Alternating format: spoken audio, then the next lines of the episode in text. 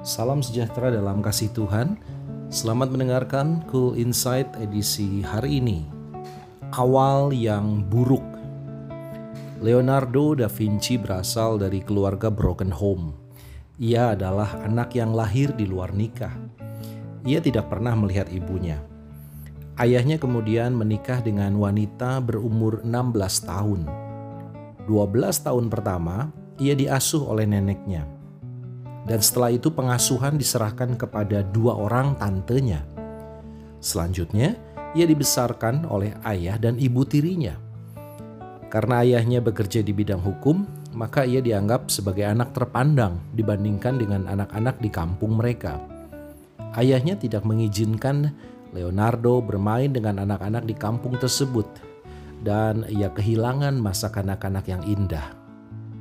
Dengan awal kehidupan seperti di atas, mungkin kita akan berpikir bahwa Leonardo akan menjadi anak bodoh dengan sikap antisosial. Tetapi ternyata Leonardo memiliki keingintahuan yang besar.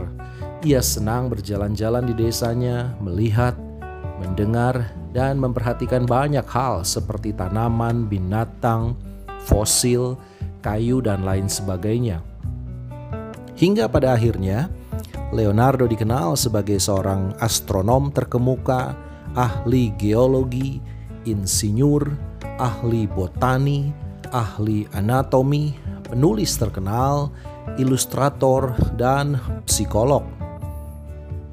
Awal kehidupan ataupun masa lalu yang buruk tidak selalu membuat seseorang bermasa depan suram. Dengan perjuangan, kerja keras, dan iman pada Tuhan, kita bisa meraih yang lebih baik. Mungkin ada di antara kita yang terlahir di dalam keluarga broken home, tidak diinginkan, atau dianggap pembawa sial. Jangan biarkan diri Anda dihantui oleh masa lalu ataupun anggapan orang bahwa Anda tidak akan beruntung.